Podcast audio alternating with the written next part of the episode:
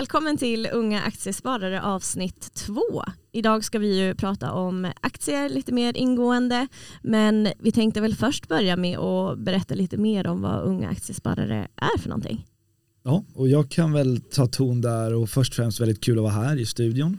Eh, det här är ju del två av fem där vi från Unga Aktiesparare gästar USR och eh, målsättningen med den här eh, Eh, serien är ju att få fler intresserade av, av eh, börsen och investeringar förhoppningsvis eh, hjälpa många som står vid start, startsträckan vad man ska säga.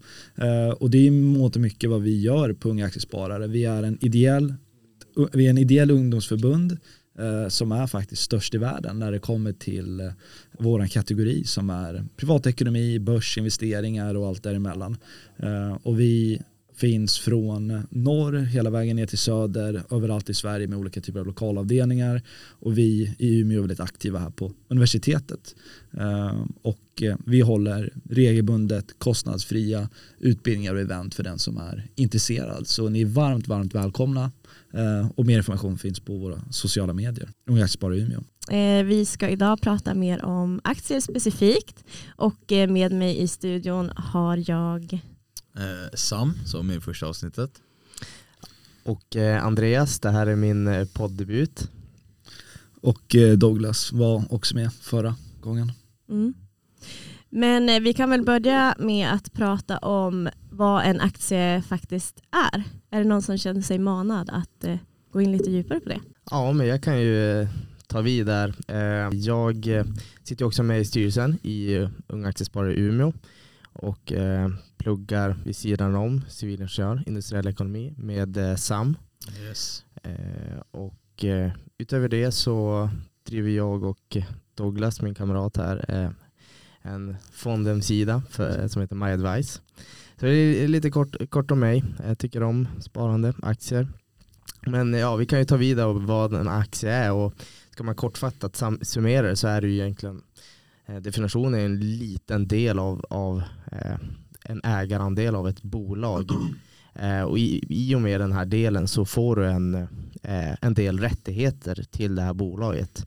Bland annat en rättighet, en rösträtt där du har rätt att rösta på bolagsstämmer och eh, om ja, men beslut som bolaget tar om hur verksamheten ska drivas samt att du också får en, en liten del av vinsten som delas ut till aktieägarna. Eh, ja, alltså rent grundligt så är det väl att så här, eh, kollar man på ett bolag så är det ju, du har ju anställda längst ner. Sen så har du styrelsen och så har du bolagsstämman som bestämmer styrelsen. Eh, och som aktieägare som Andreas då sa så har du rättighet att då ja, välja fram den här styrelsen. Eh, och det, man har lite olika makt beroende på vilket bolag det är. Det finns ju privata bolag och så finns det börsnoterade bolag. Eh och det är liksom många, många liksom investmentbolag och företag arbetar med eh, private equity. Eh, och då arbetar man med de här privata bolagen som inte är eh, öppen för försäljning av aktier till allmänna liksom, människor. Ehm, och för oss allmänna då, då, då, då, kollar man på de här börsnoterade bolagen. Ehm, och då finns det A och B-aktier, eller Ja, precis. Eh, vill, du, vill du kanske ta rygga det eller? Nej, men jag tycker att det, det här är en ganska vi ska ha en grundlig genomgång av vad aktier är och jag tycker Andreas summerade väldigt bra med att det är en delägande rätt i ett bolag. Så att mm. äger man en aktie så har man då en delägande rätt i bolaget. Eh, man blir inte automatiskt partner i bolaget eller något sånt där utan du äger en liten liten andel av de totala aktierna som finns tillgängliga. Eh, och jag tycker nästan att man kan stanna lite där i det här forumet för att hålla det lite enklare kanske. Eh, för vi kommer ha fler avancerade delar längre fram där vi kan gå igenom A, B-aktier, preferensaktier och så vidare och så vidare. Okay. Ja, okay, Bara för att hålla, ja, men, göra det lite enklare för eh, lyssnarna att, att, hänga med på ja, men, alla de här olika delarna. Mm. Uh. Men hur viktigt blir det då att man vet vad man köper? Nej men det är ju jätteviktigt. Eh, du vill ju inte köpa grisen i säcken. Alltså det, det är ju jätteviktigt att veta och ha en idé om hur, hur liksom aktien eller ja, bolaget i, i, som är underliggande aktie eh, ja, har för plan framåt. Och där ska man också säga att man ska skilja på aktie och bolaget. Eh, för en aktie kan ju fluktuera i pris ganska rejält. Medan bolaget ändå står stabilt, de får sina intäkter, sitt kassaflöde och sådär. Så att det ska man ändå skilja på men ändå så är det sammanhängande.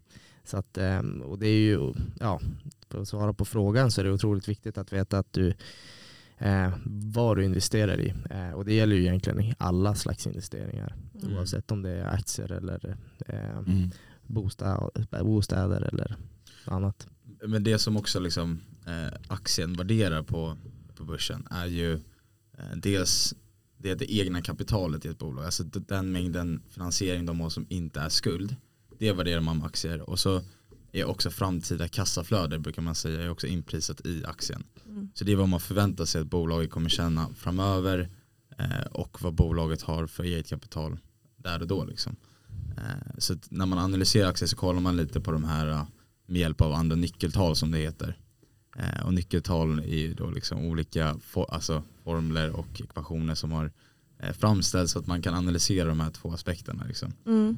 Eh, något som eh, jag vet att många frågar och så här funderar på, för det dök upp på det här live-eventet som vi hade när vi hade Tjejfika, att måste man vara bra på matte för att kunna liksom vara med i det här och kunna handla på börsen? vad, vad säger ni?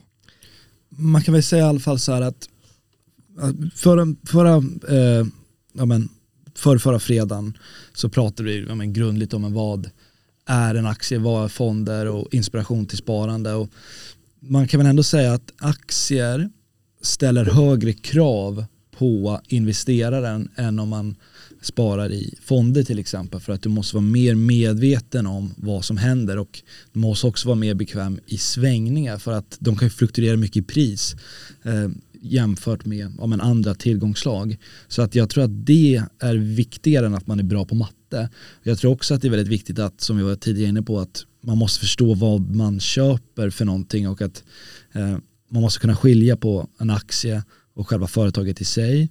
Men man måste också förstå vissa parametrar som faktiskt representerar i aktiepriset och du måste verkligen inte vara ett matteproffs för att kunna hitta eh, ja, men, nya aktievinnare och så vidare utan det viktigaste är att du hittar stabila bolag eh, och att du äger dem över tid.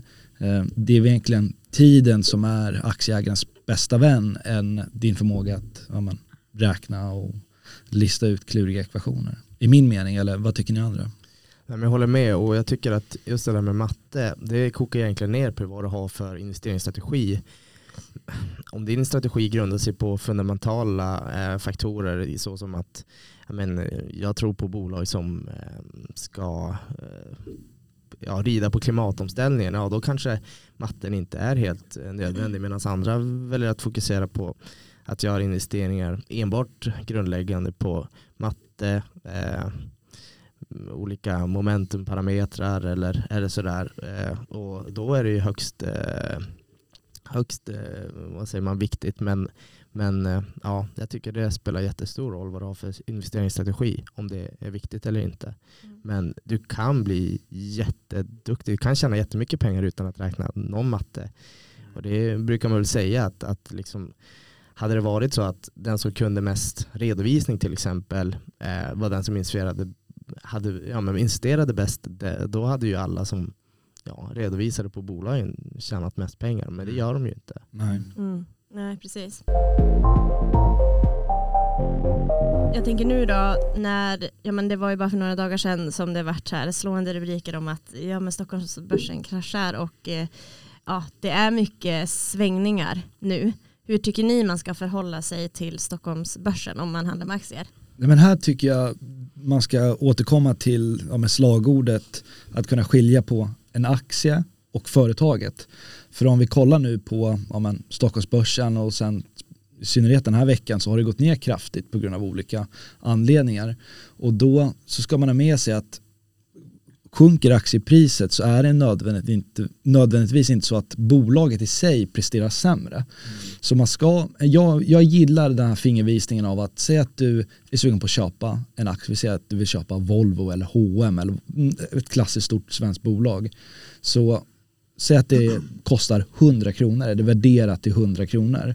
Och sen så anser man att ja, men det är värt att köpa 100 kronor för en Volvo-aktie, vi, vi, vi nyper den.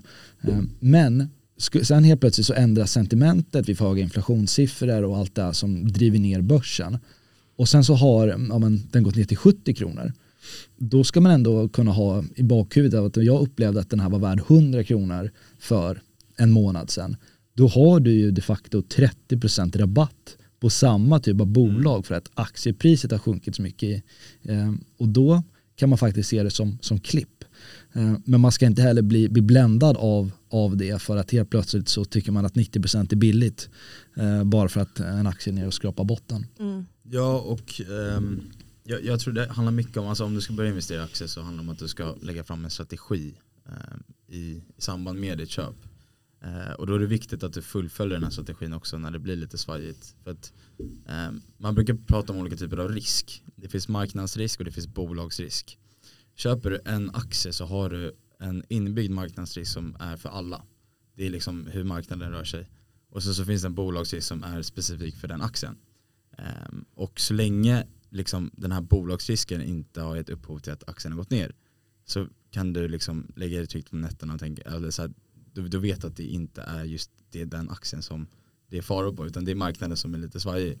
Uh, så det, det, kan hjälpa att man har lite is i magen um, och tänker på det liksom. Mm. Um, och ja, kanske fortsätta månadsspara för att få, få ner sitt snitt som Dogge sa precis. Mm. Men vilka frågor blir liksom viktiga att ställa sig om man funderar på att eh, ja, men, säg att man ska köpa några hm aktier eller så. Vilka frågor bör man ställa sig då som köpare tycker ni? Vad är viktigt att förhålla sig till? Jag tycker att alltså, en akties pris, det, är det som driver aktiens pris över tid det är egentligen en sak och det är, det är vinstutveckling. Tjänar bolaget mer pengar idag eller imorgon än vad de gör idag? Det är det som kommer driva kursen över tid. Sen finns det brus däremellan som, som Sam eh, påpekar här. Eh, och då är det den första frågan man ska ställa sig. Tror jag att de här kommer tjäna mer pengar om eh, x antal år än idag? Eh, och tror jag inte det, eh, då behöver man inte ens kika vidare på bolaget överhuvudtaget. Eh, och nästa fråga blir ju liksom, ja, men hur ska de göra det? Eh, har de några vind i seglen i form av kanske strukturella, eh, strukturella trender? Eller har de, eh, har de andra mm, trender i form av politiska eh, påtryckningar eller sådär? Eh, så det, det är väl egentligen grundläggande hur man kan tänka. Mm. Nej, men jag, jag håller helt med och eh, det är svårt eller det är ingen, ingen har ju, besitter ju en spåkula som jag plötsligt kan tycka, om ja, den här aktien, jag ser här i min spåkula att om, om fem år så har den tripplat sin vinsttillväxt eh, från dagens siffror. Det går ju inte. Däremot så kan man ju nyttja historisk data för att kunna göra prognoser.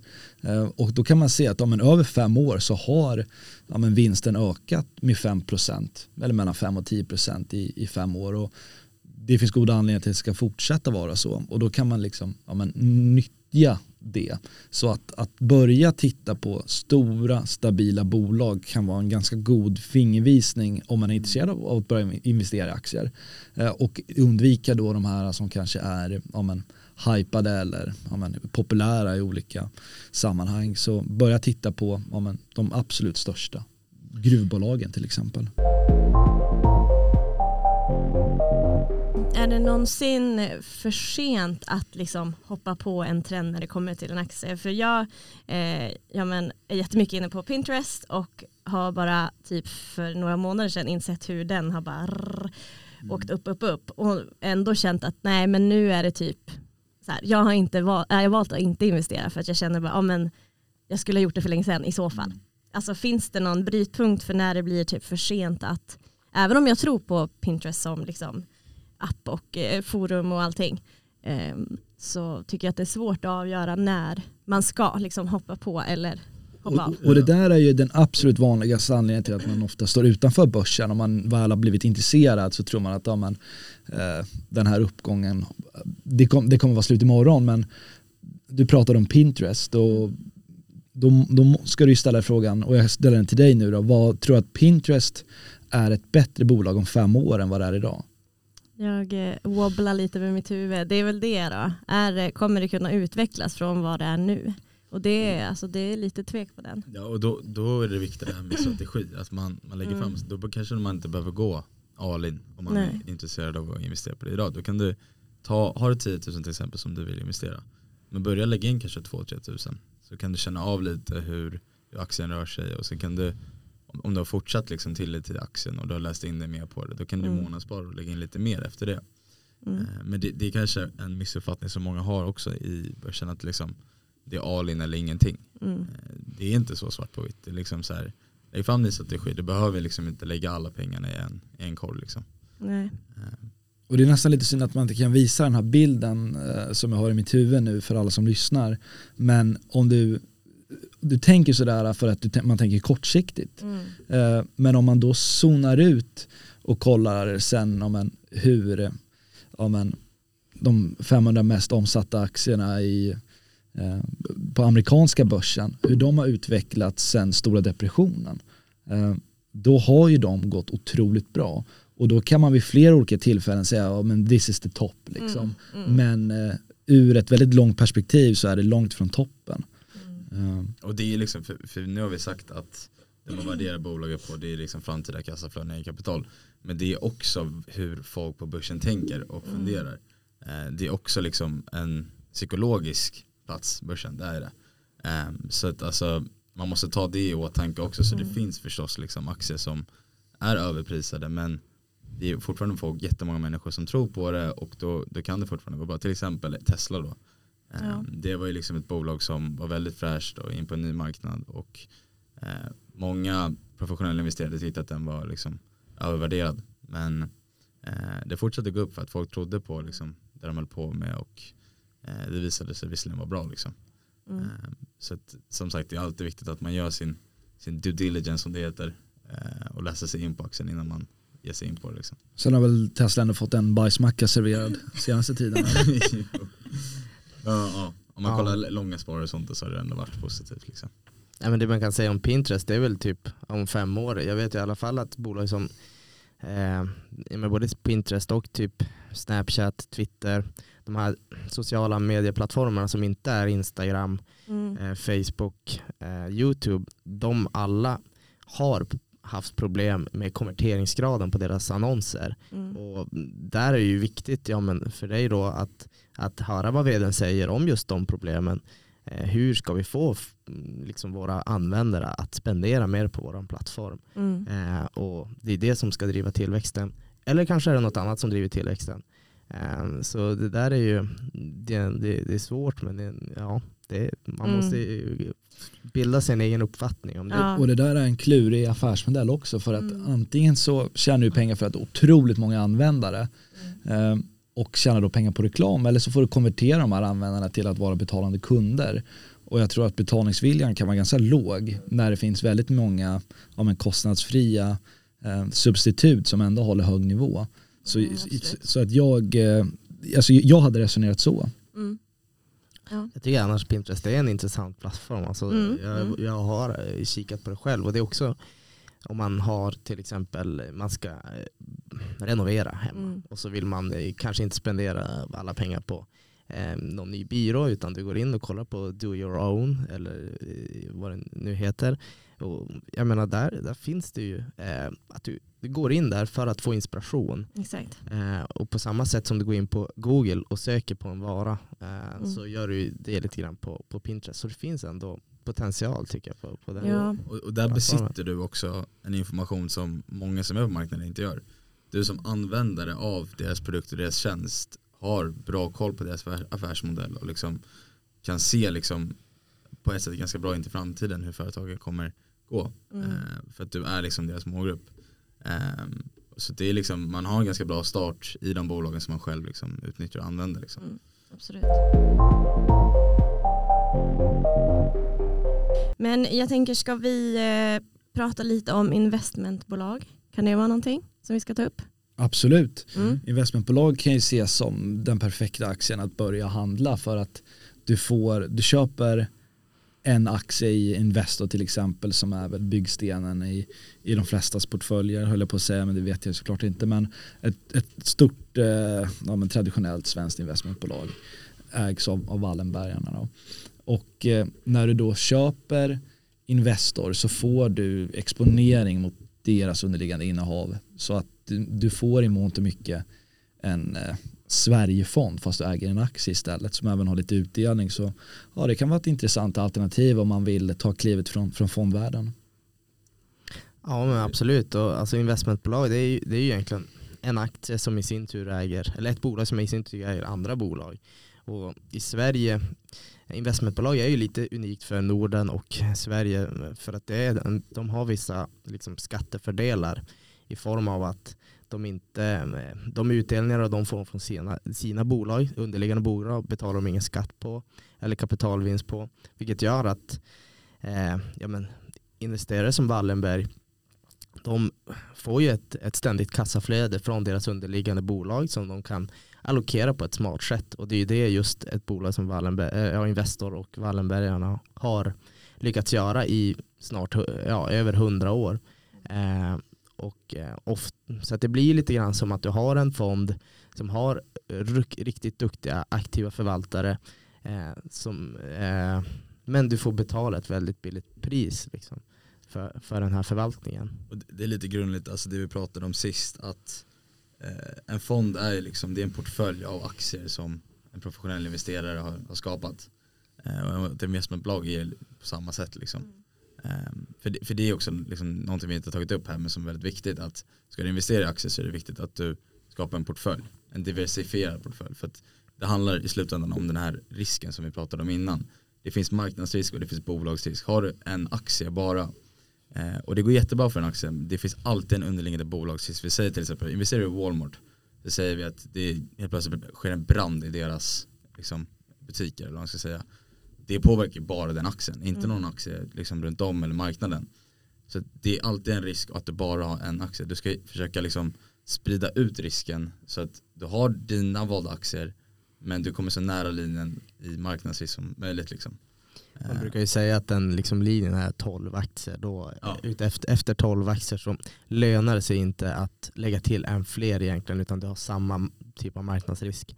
Sen så kommer det såklart variera då. Eh, mm. Och det är vad inte, det är för någon. Förlåt, att, men det är inte 12 aktier i samma bolag då utan Nej. det är egentligen 12 olika bolag. Mm, mm. Eh, för då kan jag äga flera aktier i, i, i samma bolag. Och nu finns det risk att jag kommer låta som en sportkommentator i, i Simor här men man kan ju se sitt Eh, sin portfölj då, säga av ja, men, 12 olika bolag som din ja, men, första uppställning då. Eh, och då har du ju målvakten, det kanske kan vara en, en Investor, ett stort stabilt bolag och sen så har du eh, i backlinjen kanske Volvo, kanske Axfood, mm. kanske AstraZeneca och sen så blir det smalare och smalare. Sen har du, en, har du Rashford där på toppen som eh, kan vara någonting som är ja, men en, en eh, krydda med, med hög risk helt enkelt. Mm. Och mm. för att kunna diversifiera rent praktiskt så handlar det om liksom att eh, hitta bolag i olika branscher och eh, som är i olika liksom, områden. Har du till exempel eh, bara aktier på svenska börsen eh, och det händer någonting med just svenska börsen så är inte det så jättebra. Om man vill liksom diversifiera det till amerikanska aktier också eller om du till exempel bara har aktier inom en bransch och den branschen helt plötsligt, alltså till exempel om du är jätteheavy tech och sen nu har det varit halvledarbrist till exempel som har gjort att produktionen av nya techvaror har blivit sämre. Så påverkas din portfölj väldigt mycket och då kanske det är bra att ha ett, någonting inom liksom e-handel eller ja, fastigheter för att liksom skydda dig från det. Eh, för då blir det mer den här marknadsrisken som vi pratade om. Liksom. Mm. Um, det här med ocykliska aktier då, är det någon som kan ge sig på den och kanske ge något exempel om ni vet någon på, på rak arm? Sådär. Det, det var ju den här backlinjen som du pratade om. Lukas. Det är lite ja, defensivt. Ja. Alltså definitionen här det handlar ju om att det är Ja men i, i goda tider kanske du köper eh, fina båtar. Då kanske vi lägga Nimbus till exempel som, som tillverkar båtar och det är någonting som är cykliskt för att i goda tider köper man båtar men du kommer alltid knalla in på Hemköp och, och handla mat. Och, mm. och du måste ju alltid ha din medicin så därför kommer ja, men, icke-cykliska bolag som AstraZeneca eller Axfood alltid tågar på. Inte alltid men med hög sannolikhet. Men uh, det, jag, jag kan tänka mig att du har något att tillägga där. Ja, alltså man brukar ju säga att liksom företag som är mindre cykliska det är de som är mindre känsliga för förändringar, allmänna förändringar i ekonomin. Och om, som vi ser nu till exempel med inflationssiffran som kom i, i veckan här som låg på 12 procent ja då finns det stor chans att man kanske inte byter kyl och frys hemma. Eh, man kanske inte köper en ny eh, telefon. Sådana här, mm, kanske lite mer nice to have än need to have. Men det som är need to have det är ju mat, det är eh, internet idag, det är eh, läkemedel, sånt som vi alltid behöver. Och därför ser man också att bolag som Axfood som ja, äger och Willys, de här lågprisvaruhandeln, de går bra i de här tiderna. Eh, men de går också bra när det eh, går bra för hela ekonomin. Så att de blir som en, en, ett skydd då för, för eh, sådana här sämre tider. Eh, men de kommer inte vara de som går bäst i de bästa tiderna, men de kommer inte gå sämst i sämsta tiderna. Eh, så en, en jämn utveckling helt enkelt. Så det låter ju som ett, om man är helt ny på börsen, ett ganska typ försiktigt och säkert kort ändå. Ja, absolut. Och till addera, om, om det är de första aktierna eller bolagen man är intresserad av så är det också bolag som har visat ja, men, bra lönsamhet under lång tid och stora bolag och stabila bolag så absolut. Mm. Utöver liksom sentimentsrisken så är det eh, en, en, väldigt bra bas och bra första aktier att kika närmare på.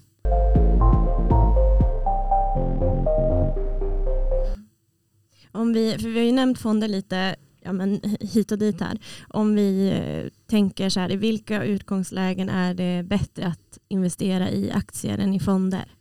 Oavsett hur kunnig man är. Finns det liksom en bättre tid eller är de ens jämlika eller kan man inte jämföra dem på det sättet?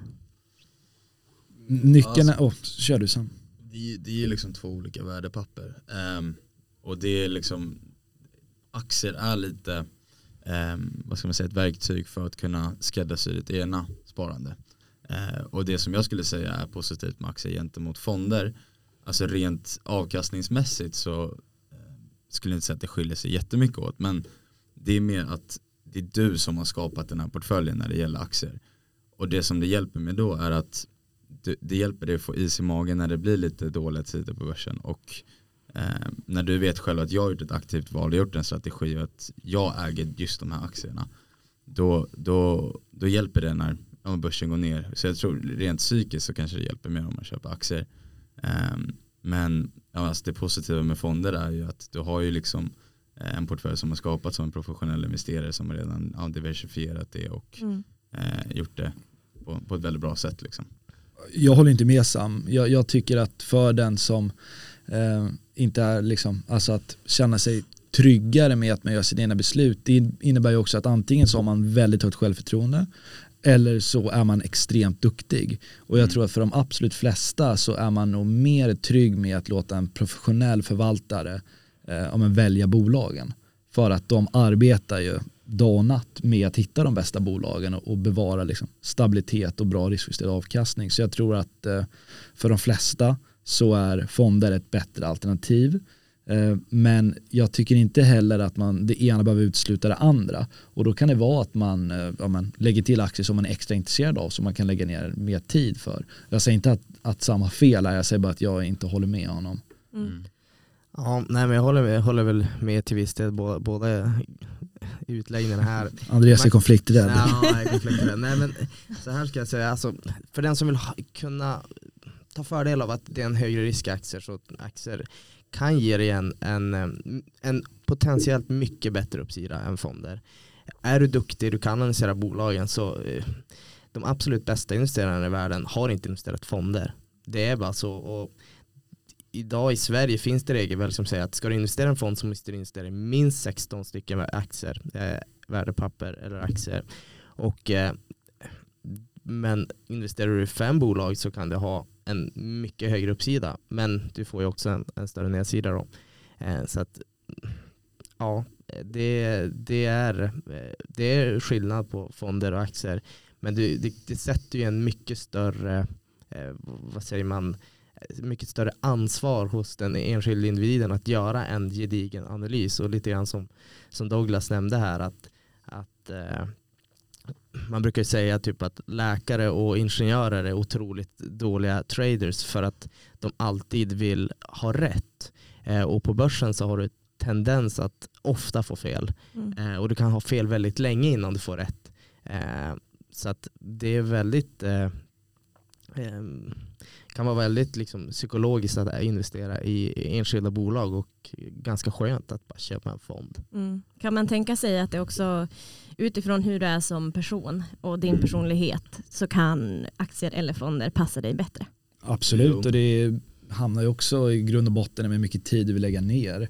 Och jag tycker inte heller det ena behöver utesluta det andra utan eh, hitta en lösning som du är mest bekväm med. Jag tror att det är det absolut viktigaste eh, i, i det här sammanhanget. Mm. Jag kan tillägga, för, alltså, så som jag tänkte var det lite så här ehm, att man gör lite mer ett aktivt val tycker jag när man köper, eh, när man köper aktier och gör sin egna portfölj. Det blir lite som att du plockar in en godispåse gentemot att köpa en färdig liksom, påse med godis.